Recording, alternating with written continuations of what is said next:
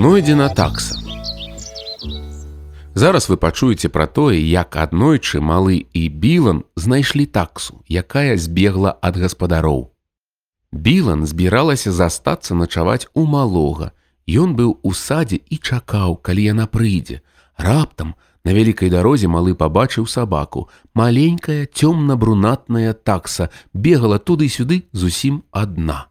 Па дарозе ехалі дзве машыны, кожная з розных бакоў. Яны павінны былі сустрэцца якраз у тым месцы, дзе бегала такса. І для таксы проста не заставалася б месца. Такса не ведала, што ёй рабіць. Яна проста стаяла і пазірала. Машыны набліжаліся. Раптам сабака скочыў у канаву. Малы пабег да вялікай дарогі, тады прыйшла Білан. Трэба ратаваць сабаку, закрычаў малы. Білан прысела і такса подбегла да яе і абнюхала. Такса весела матляла хвастом. Білан пагладзіла яе і паразмаўляла з ёй. Потым яна пайшла ў хату да малога, а такса пабегла за ёй. Сабака прыйшоў за Білан у кухню. Мы знайшлі сабаку, сказала Білан. Яны зачынілі дзверы, каб не зайшоў кот і далі таксе крыху вады. Раптам мама нешта заўважыла. У таксы няма нашыйніка, задумалася яна, мы не зможам даведацца, дзе яна жыве, трэба патэлефанаваць у паліцыю.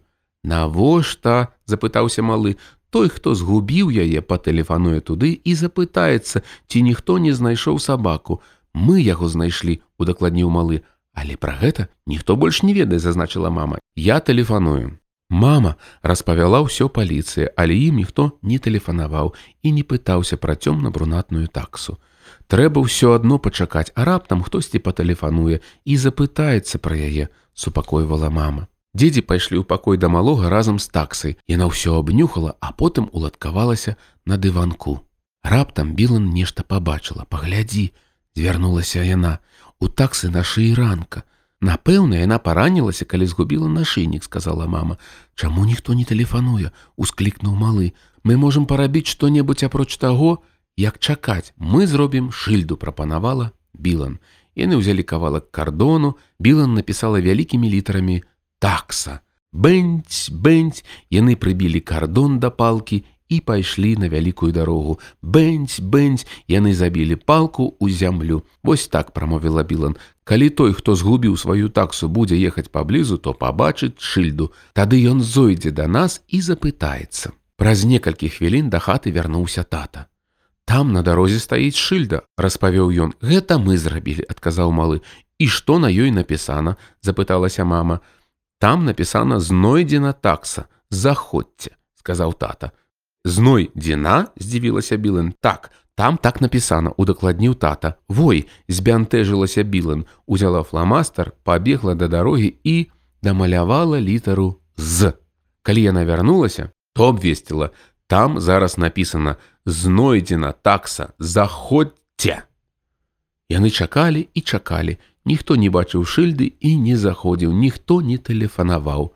На пачатку такса паводзіла сябе неспакойна, хадзіла вакол і ўсё нюхала, але паступова яна пачала адчуваць сябе як дома. Яна паспакайнела. Калі надышоў час спаць, яны знялі з ложка матрас і паклалі яго на падлогу. Потым усе ўладкаваліся на ім малы, білан, мядзведзік, панда, а пасярэдзіне такса. У пакоі было цёпла, а на матрацы мякка. Білан гладзіла таксу па спіне, таксі гэта вельмі падабалася. Яна выглядае як прынцэса, сказала Білан, А ты ведаеш, як яе клічуць, запытаўся малы. Яе клічуць прынцэса. Малы і Білан ляжалі і размаўлялі цікава, адкуль у яе ранка на шыі запыталася Білан. Я ведаю, патлумачыў малы, гэта паляўнічы сабака, які пайшоў аднойчы ў лес, каб упаляваць лася. Раптам з'явіўся лось, напаў на сабаку і забадаў яго сабака спужаўся і ўцёк. Адкуль ты ведаеш, запыталася Білан, можна здагадацца, калі паглядзець на рану, адказаў малы. Гэта тыповая рана, калі сабаку працінаюць рогі лася. А што тады з нашыйнікам пацікавілася Білан? Ён згубіўся, калі лось бадаў яго, прыдумаў малы, а потым лось з'еў яго. А я думаю, што ў лесе гуляліся дзеці сказала білан. Але раптам прыбегла вялікая ліса і хацела скрасці дзяцей. Тады сабака вырашыў дапамагчы дзецям але ліса укусіла яго за шыю і ён згубіў свой нашыйнік тады сабака укусіў лісу за нагу а ліса збегла назад у лес але сабака таксама напужаўся і таксама ўцёк прэч. Вось як ён прыбег да нас. Які ты смелы сабака пахваліў малы і пачухаў таксу за вушкам. Смелая такса паціху пахрапвала. Не я ведаю узрушыўся малы ён сабака нейкага чалавека які сядзіць у турме. Так згадзілася білан сабака кур'ер. Ён носіць паведамленні ад вязніка ягонай жонцы. Але паслухай малы У яго не было з сабой ніякага паведамлення, калі мы знайшлі яго. Магчыма, яно проста згубілася, задумаўся малы. Сабака заматляў хвастом. Прынцэса хоча есці, заўважыў малы. Яна галодная, пачакай тут. Малы пабег сходамі, але прынцэса не чакала яго. Яна пабегла следам. Яны разам пабеглі на кухню да лядоўні. Там ляжала каўбаса. Малы ўзяў яе, і яны зноў пабеглі сходамі ў пакой. Прынцэса легла ў ложак, а дзеці пакармілі яе. Яна з'ела ўсю каўбасу. Мама зазірнула ў пакой. Вы яшчэ не спіце? запыталася яна. Ці ведаеце вы колькі часу? Гаспадар сабакі ўжо даўно спіць заўтра з раніцы ён абавязкова патэлефануе. Дзынь! На наступную раніцу яны прачнуліся, бо званіў телефон. Малы саскочыў з ложка. Я адкажу, закрычаў ён і пабег з лесвіцы да телефона, але Білан ужо была там. Прывітанне, хто гэта запыталася Білан, прывітанне мяне клічуць спадарыня Эрыксон. Я толькі што размаўляла з паліцыяй. Гэта вы знайшлі сабаку. Так, адказала Білан, маленька цёмна-брунатная такса. Дакладна, гэта ж наш ота.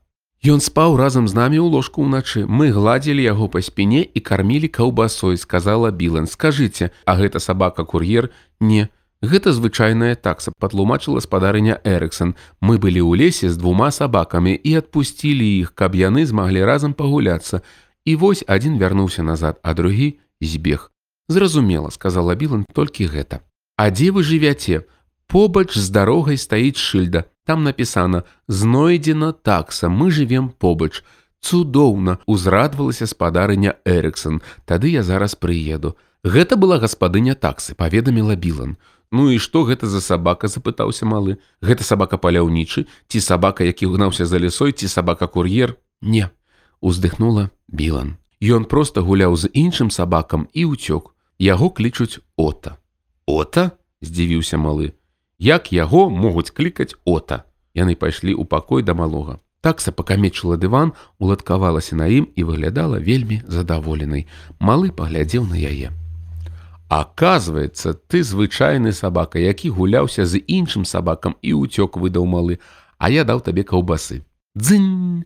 Гэта прыйшла спадарыня Эрыксон. Яна вельмі ўсцешылася, калі знайшла свайго сабаку. Яна ўвайшла ў вітальню і паклікала ота. Калі ён пачуў ейны голас, то адразу ж перамяніўся. Ён кінуўся да сходаў, спыніўся там і паглядзеў уніз на сваю гаспадыню. Ён віскатаў і пыхцеў. Гаспадыня заўважыла яго і пачала смяяцца. Прывітанне мой маленькі нягоднік звярнулася яна. Нават не старайся, Мне цябе зусім не шкада. Я ўжо чула, як табе тут добра жылося. Хадзі сюды, Але ён не спускаўся са сходаў, тады яна сама паднялася, узяла яго і знесла ўніз. Зараз ён хоча, каб я пашкадавала яго, патлумачыла спадарыня Эрыксон. Яна памахала дзецям рукой, бывайце і дзякуй вялікі за дапамогу, падзякавала яна. Калі малы і мядзведзік пайшлі спаць, яны зайшлі, як звычайна ў лазенку. Малы пачысціў мядзведзіку зубы. Ён больш сачыў за мядзведзікам, чым за сабой. Потым малы ўладкаваўся ў ложку, але мядзведзіка там не было. Ён уцёк закрычаў малы. Магчыма, ён уцёк у лазенку, сказала мама. Малы пабег і сапраўды знайшоў там мядзведзіка. Потым яны разам вярнуліся ў пакой. Толькі перастанеш сачыць за ім, як ён уцякае. Паскарціўся малы. Ён паглядзеў на мядзведзіка. Ты сапраўдны мядзведзік уцякач, сказаў ён, але зараз ты вярнуўся назад. Так яны ляжалі побач і выглядалі вельмі задаволенымі і малы і мядзведзік.